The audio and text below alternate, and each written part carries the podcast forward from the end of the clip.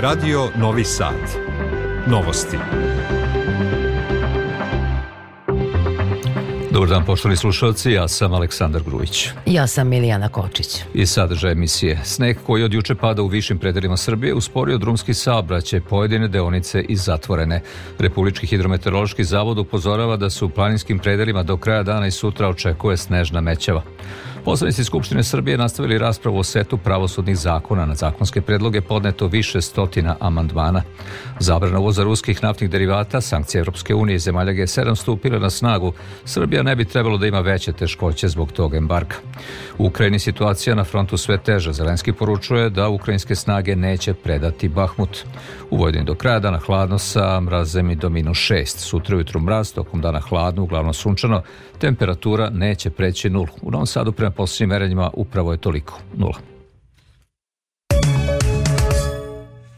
Sneg koji od juče pada u višim predelima Srbije napravio je velike probleme. U brdsko-planinskim predelima sneg i jak vetar parališu drumski saobraćaj, pojedine deonice zatvorene su za saobraćaj.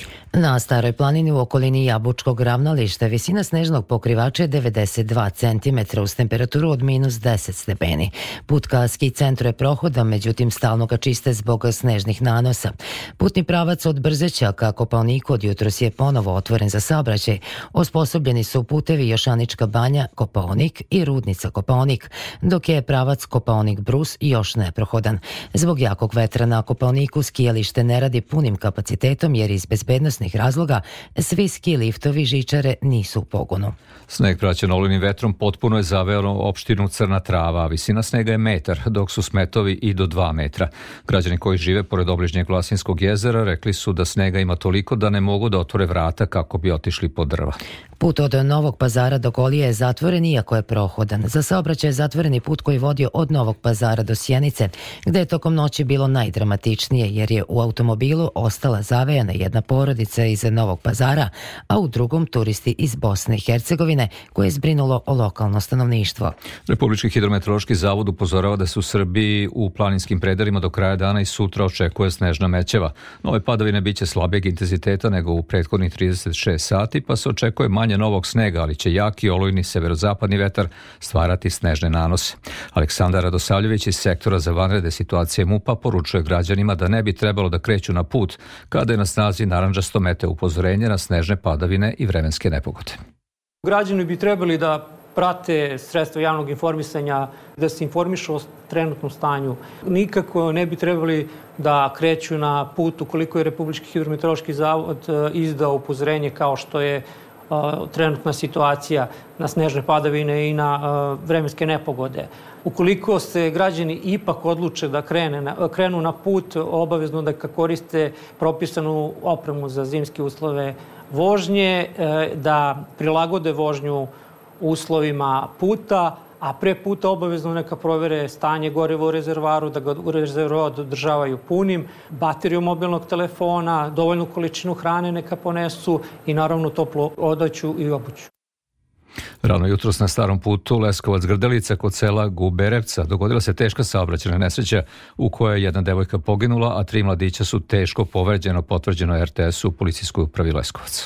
U urgentnom centru kliničkog centra Niš jutro su primljena tri pacijenta 1999, 2004 i 2005 godište sa višestrukim povredama grudi, rebara, pluća, kičme i karlice.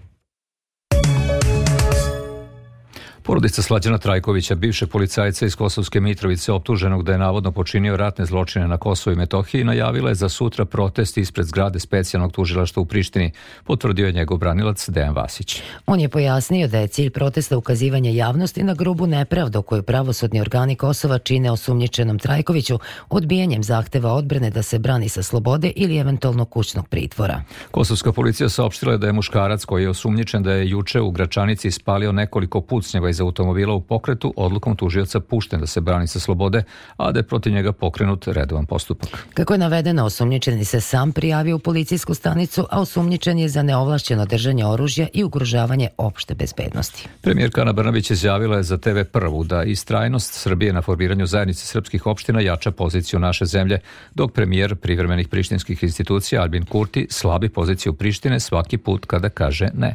Komentarišući jučerašnju izjavu Kurtija da će zajednica zajednica srpskih opština biti formirana, ali tek posle postignutog sporazuma s Beogradom o obostranom priznanju, Brnabić podsjeća da je formiranje te zajednice deo briselskog sporazuma iz 2013. Premijerka je navela da čak i oni koji nisu saveznici Srbiji oko formiranja zajednice srpskih opština i koji su promoteri kosovske nezavisnosti, navode da se prvo mora formirati zajednica pa sve ostalo. Slušate novosti prvog programa radio radio televizije Vojvodine. Poslanici Skupštine Srbije nastavili su raspravu o setu pravosudnih zakona, među kojima su predlozi zakona o sudijama i javnom tužilaštvu. Na dnevnom redu sednice su i predlozi zakona o uređenju sudova, o Visokom savetu sudstva i Visokom savetu tužilaštva.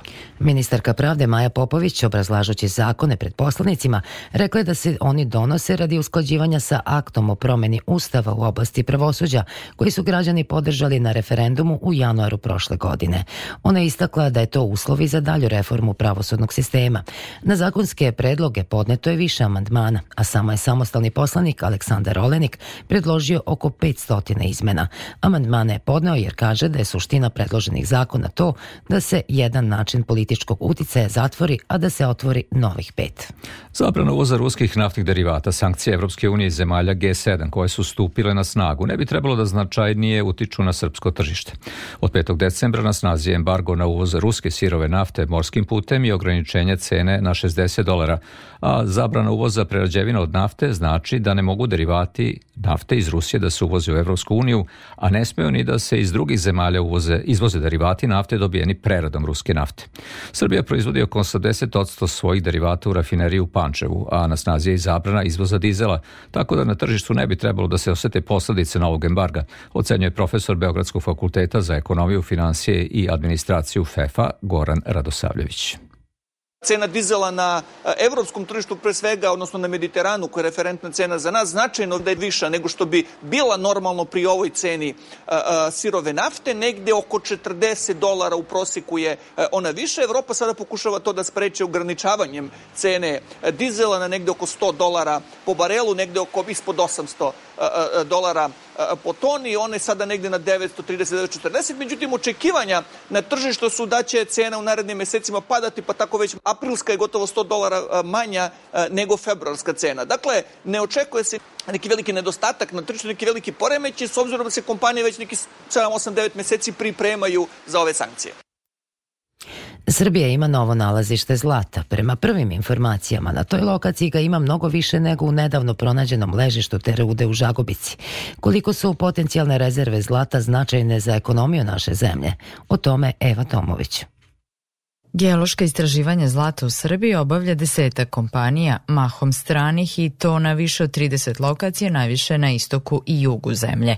Prema procenama Geološkog zavoda, naša zemlja ima rezerve od 500 tona u rudi, izjavio je zamenik direktora zavoda Predrag Mijatović. U rudi koje znači tek treba otkopati i preraditi, da to bude ili investicijono zlato ili te zlatne poluge koje svaka država ima u, u svom trezoru. Na novo otkrivenom lokalitetu u opštini Žagubica, kanadska rudarska kompanija obavila je tehnološka ispitivanja. Preliminarni rezultati pokazuju da je moguće proizvesti čist koncentrat zlata sa iskorišćenjem zlata većim od 93%, izjavila je ministarka rudarstva i energetike Dubravka Đedović. Ovo jesu preliminarna istraživanja, mi očekujemo da ona budu potvrđena i kroz elaborat koji će se uraditi i onda će se i te rezerve overiti. Procenjuje se da rezerve zlata na lokalitetu Čoka Rakita iznose oko 30 tona. To nalazište značajno je za rudarstvo i za ekonomiju u celini, smatra Mijatović, ali je kako objašnjava dug put do otvaranja rudnika. Ceo taj proces od prvih istraživanja do otvaranja rudnika traje duže niz godina, otprilike oko 15 godina, može čak u nekim slučajevima i duže. Najnovije nalazište zlata, čiji lokalitet još nije poznat javnosti, prema rečima naših zvaničnika, bolje je od onog u Čoka Rakiti, te se može pretpostaviti da su i rezerve zlata na njoj izdašnije. Samo 12% mladih zarađuje više od 80.000 dinara, što je povoljno za pristojan život, pokazuje istraživanja krovne organizacije mladih Srbije. Oko 80% primetbi te organizacije ušlo je u nacionalnu strategiju za mlade do 2030. koju je usvojila vlada Srbije. Pojedinosti Marija Maleš. Prema istraživanju krovne organizacije Mladih Srbije, 49% mladih želi da se odseli iz Srbije, dok 40% to ne otpisuje kao mogućnost, kaže predsednica te organizacije Gordana Adamov. Razlog je najviše dostojanstven život, a ono što ih, kako kažu, jedino zadržava ovde najviše jesu porodica i prijatelj. Istraživanje je pokazalo da mladi nemaju poverenja u institucije, a od ponuđenih institucija ni jedna nije dobila ocenu veću veći od tri. Ako institucije pitaju mlade za njihove probleme, potrebe i ako mladi zaista budu uključeni u kreiranje mera, strategija koje se njih, to je eventualno jedan, da kažemo, od načina ključnih kako bi mogli da izgradimo to poverenje. Nova strategija, za razliku od prošle, jasno precizira to šta očekujemo da se do 2030. realizuje, kao i koje institucije su odgovorne za sprovođenje određenih mera.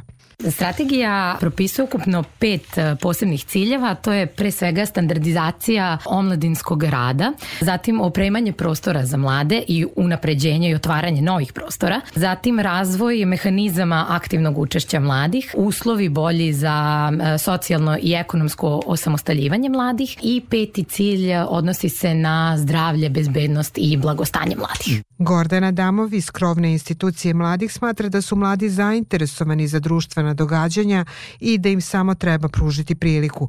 Prva šansa je da već sada budu uključeni u usvajanje akcionog plana kako bi taj dokument oslikao njihove potrebe. Svet Ukrajinski predsednik Volodimir Zelenski izjavio da je situacija duž linije konfrontacije na istoku Ukrajine postala veoma ozbiljna, jer je Rusija uvela dodatne trupe u borbene aktivnosti. Ruske snage opkolile su Bahmut gde se vode borbe za kontrolu nad gradom i ključnim saobraćajnicama za snabdevanje ukrajinskih snaga, a pokušavaju da zauzmu i rudnik uglja na domak grada Vuhledara, udaljenog oko 120 km jugozapadno od Bahmuta, takođe u Donjackoj oblasti. Nemački kancelar Olaf Scholz izjavio je da postoji dogovor sa predsjednikom Ukrajine Volodimirom Zelenskim da se oružje koje Zapad isporučuje koristi samo na teritoriji Ukrajine i da neće biti korišćeno za napade na teritoriju Rusije. Scholz je u intervju za Bild na podsjećanje novinara da je bivši premijer Velike Britanije Boris Johnson za BBC rekao da mu je predsjednik Rusije Vladimir Putin tokom telefonskog razgovora pretio raketnim udarom, naglasio da ruski predsjednik prilikom tih razgovora Berlina i Moskve nije pretio ni njemu ni Nemačkoj. Nakon što je američka ratna avijacija oborila navodni kineski špijunski balon iznad Atlantika, zvanični Peking je oštro reagovao i saopštio da zadržava pravo da preduzme dalje akcije, kritikujući Sjedinjene države zbog preterane reakcije i ozbiljnog kršenja međunarodne prakse. Visoki zvaničnik američke administracije odbacio je tvrdnje Pekinga da je balon bio samo za civilnu upotrebu i da je slučajno ušao u američki vazdušni prostor, naglasivši da je ruta preleta bila u blizini mnogo potencijalno osetljivih lokacija, što je u suprotnosti sa objašnjenjem objašnjenjem vlade Kine da je reč o meteorološkom balonu. Washington je predložio Tokiju da razmeštanje oružja srednjeg dometa u Japanu kao deo zajedničkog jačanja odbrane protiv Kine u istočnom i južnom kineskom moru preneli su japanski mediji, pozivajući se na neimenovane izvore obaveštene o američko-japanskim odnosima. Navodi se da je Japan naklonjen prihvatanju predloga, a da je u igri i razmeštanje hipersoničnog oružja dugog dometa i raketa Tomahawk. Kao moguća lokacija za razmeštanje oružja pominje se ostrovo Kyushu na jugu Japana, koje je od Tajvana, koji Kina smatra svojom teritorijom, udaljeno oko 1300 km vazdušnom linijom. Bivši predsednik Pakistana, general Pervez Musharraf, nakon duže bolesti preminuo je u 80. godini u bolnici u Dubaju, gde je od 2016. godine živeo u eksilu. General Musharraf preuzeo je vlast u Pakistanu nenasilnim vojnim udarom 1999. zbacivši tadašnjeg premijera Navaza Šarifa. Predsednik Pakistana je bio od 2001. do 2008. kad je podneo ostavku nakon demonstracija širom zemlje zbog suspendovanja ustava i uvođenja vanrednog stanja.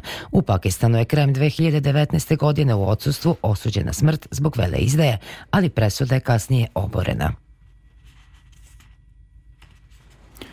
Slušate Radio Novi Sad. Novi Sad bi do 2026. trebalo da dobije tri nova mosta, koji će rasteretiti saobraćaj i biciklističkim stazama spojiti dve obale Dunava i smanjiti zagađenje, kažu stručnjaci. Kako će se grad razvijati u narednom periodu, precizirano je generalnim urbanističkim planom, koji je usvojen u julu prošle godine. Detalje Željana Ostojić. Građani su imali zamerke na nacrt generalnog urbanističkog plana ističući da će most u produžetku Bulevara Evrope značajno pokvariti kvalitet života zbog vijadukta, buke i zagađenja. Međutim, direktor urbanizma Dušan Miladinović tvrdi suprotno. Na mostu planirate zvučnu barijeru, a na bulevarima nikad ne planirate zvučnu barijeru. I saobraćaj je brži, nema zadržavanja, samim tim je tiši, jer vi sada imate dnevno otprilike oko 75.000 km više saobraćaja zbog nedostatka tog mosta. Gupom je predviđena izgradnja stambeno-poslovnog kompleksa na Tranđamentu, kaže Miladinović i dodaje da visina objekta neće ugroziti taj istorijski deo grada i identitet Petrovaradinske tvrđave. Vodimo računa o tome da onaj deo što je bliži tvrđavi ide do P plus 2, a ovaj deo što je dalje jednim delom, samo manjim je P plus 3. Izgradnjom javnih garaža u Modeninoj i Šafarikovoj ulici kod Banovine i Riblje pijace biće obezbeđeno najmanje 1200 parking mesta, a problem problem atmosferskih i otpadnih voda na Telepu biće saniran izgradnjom crpne stanice, dodaje sagovornik. Promocija zbirke pesama Kožun i druge pjesme bila je prilika da publika u Kikindi bolje upozna književno stvaralaštvo Gavrila Milete Principa, jednog od potomaka Gavrila Principa. U organizaciji Kikinske narodne biblioteke Jovan Popović i Kulturnog centra književno veče bio i svojevrstan istorijski čas, zabeležila Tatjana Popović. Predstavljanje zbirke poezije, kožuni i druge pjesme, inače pete knjige Gavrila Mileta Principa, bilo je drugačije književno veče po mnogo čemu. Uz atmosferu koja nosi duh Bosanskog Grahova i okolnih mesta, rodnog kraja porodice Princip, potomak Gavrila Principa obratio se posebno potomcima kolonista, koji su se na sever Banata doselili iz tih krajeva. Obaveza jedna velika i kroz poeziju koju pišem i kroz ove fotografije ovdje koje ste videli, koje sam donio sa rodnog Praga Gavrilovog i ovi ovdje експонат Kako je naglasila Dunja Brken Trifunović, urednica programa u Kikinskoj narodnoj biblioteci Jovan Popović, književno veče Gavrila Mileta Principa bio je i svojevrsni istorijski čas. Ukoliko ne znamo svoju istoriju, ne možemo ići napred. Pogotovo naši srednjoškolci i uopšte deca nemaju priliku da se upoznaju svakodnevno sa potomkom neke, da tako kažem, slavne istorijske ličnosti. Odredivši sebi posebnu misiju, Gavrilo Mile Princip već skoro tri decenije radi na istraživanjima, prikupljanju dokumentacionog materijala materijala istine o čuvenom pretku, sarajevskom atentatoru Gavrilu Principu. Osnovo i udruženje Kulturno-istorijski centar Gavrilo Princip za Srbiju i Bosnu i Hercegovinu, kako bi i na taj način dopro do šire javnosti. Na leđima nosim jednu istoriju srpsku koja nije prikazana onako kako jeste. Pomalo sam poguren od svega toga, ali ne dam se. U toj borbi za istinu Gavrilo Mile Princip privodi kraju roman Gavrilov Gavran, a u pripremi je i monografije posvećena čuvenom pretku. Zavičeno udruženje Hercegovina i Subotice svečano je obeležilo deceniju postojanja. Tim povodom održano je Hercegovačko veče na kojem su, pored gostiju iz Srbije, prisustovali i brojni gosti iz starog zavičaja Hercegovine. Kristijan Takač. Pored očuvanja običaja i tradicije svoga kraja, Hercegovci okupljeni u zavičajnom udruženju u Subotici su u proteklih 10 godina realizovali brojne humanitarne akcije, a pomoć su pružali ne samo u Subotici i brojnim drugim mestima u Srbiji, već i u Hercegovini. Za Radio Novi Sad govori predsednik udruženja Dragoslav Andrić. Mi smo u proteklih 10 godina pomagali našem zavičaju Starom Hercegovini. Takođe, naše udruženje je e, pomagalo i socijalno ugroženim e, članovima naše lokalne zajednice u Subotici, bez obzira da li su Hercegovci ili nisu. Važan segment hercegovačkog folklora predstavljaju gusle. Taj instrument se u okviru zavičajnog udruženja neguje sa posebnom pažnjom, pa tako pored škole gusala u Subotici odnedavno postoji guslarsko društvo Hajduk Veljko. Predsednik društva Ljubomir Ljubo Pavlović. Ja često volim u našem guslarskom svetu da kažem najsevernija tačka Srbije, a ima e, gusle toliko zastupljene i toliko e, prihvaćene u ovom gradu e, punom tradicije, ljubavi i mislim da ćemo to zaista pretvoriti u jednu tradiciju. U obeležavanju decenije postojanja zavičajnog udruženja Hercegovina prisustvovali su brojni gosti iz javnog i političkog života, kako Srbije, tako i Hercegovine. Za Radio Novi Sad govore predsednik Košarkaškog sajza Srbije Predrag Danilović i načelnik opštine Berković i Nenad Abramović. Par puta sam bio ja u Beogradu na večeri Hercegovaca, ali ovo je stvarno impozantan skup i ono što nas veže, prepostavljam da smo svi prilično uspešni onome što se bavimo mi Hercegovci. Te veze izvornih Hercegovaca i onih koji su porijekom Hercegovci doprinose i do boljih ovaj, kulturne saradnje, privredne saradnje i tako dalje. Svakako jedna lijepa praksa. Zavičajno udruženje Hercegovina broji oko 400 članova, ali kako ističu samom udruženju, broj Hercegovaca u Subotici je mnogo veći. Ukratko sportu, utakmicama napredak Partizan, Novi Pazar, TSC i Mladost Gat Javor biće završeno 20. kolo naše futbalske Superlige. U okviru 18. kola Jadranske lige za košarkaše od 16 časova i 30 minuta u Beogradu se sastaju Crvena zvezda i Iko Kea. Sat i po kasnije takođe u Beogradu igraju Mega Mis i Partizan.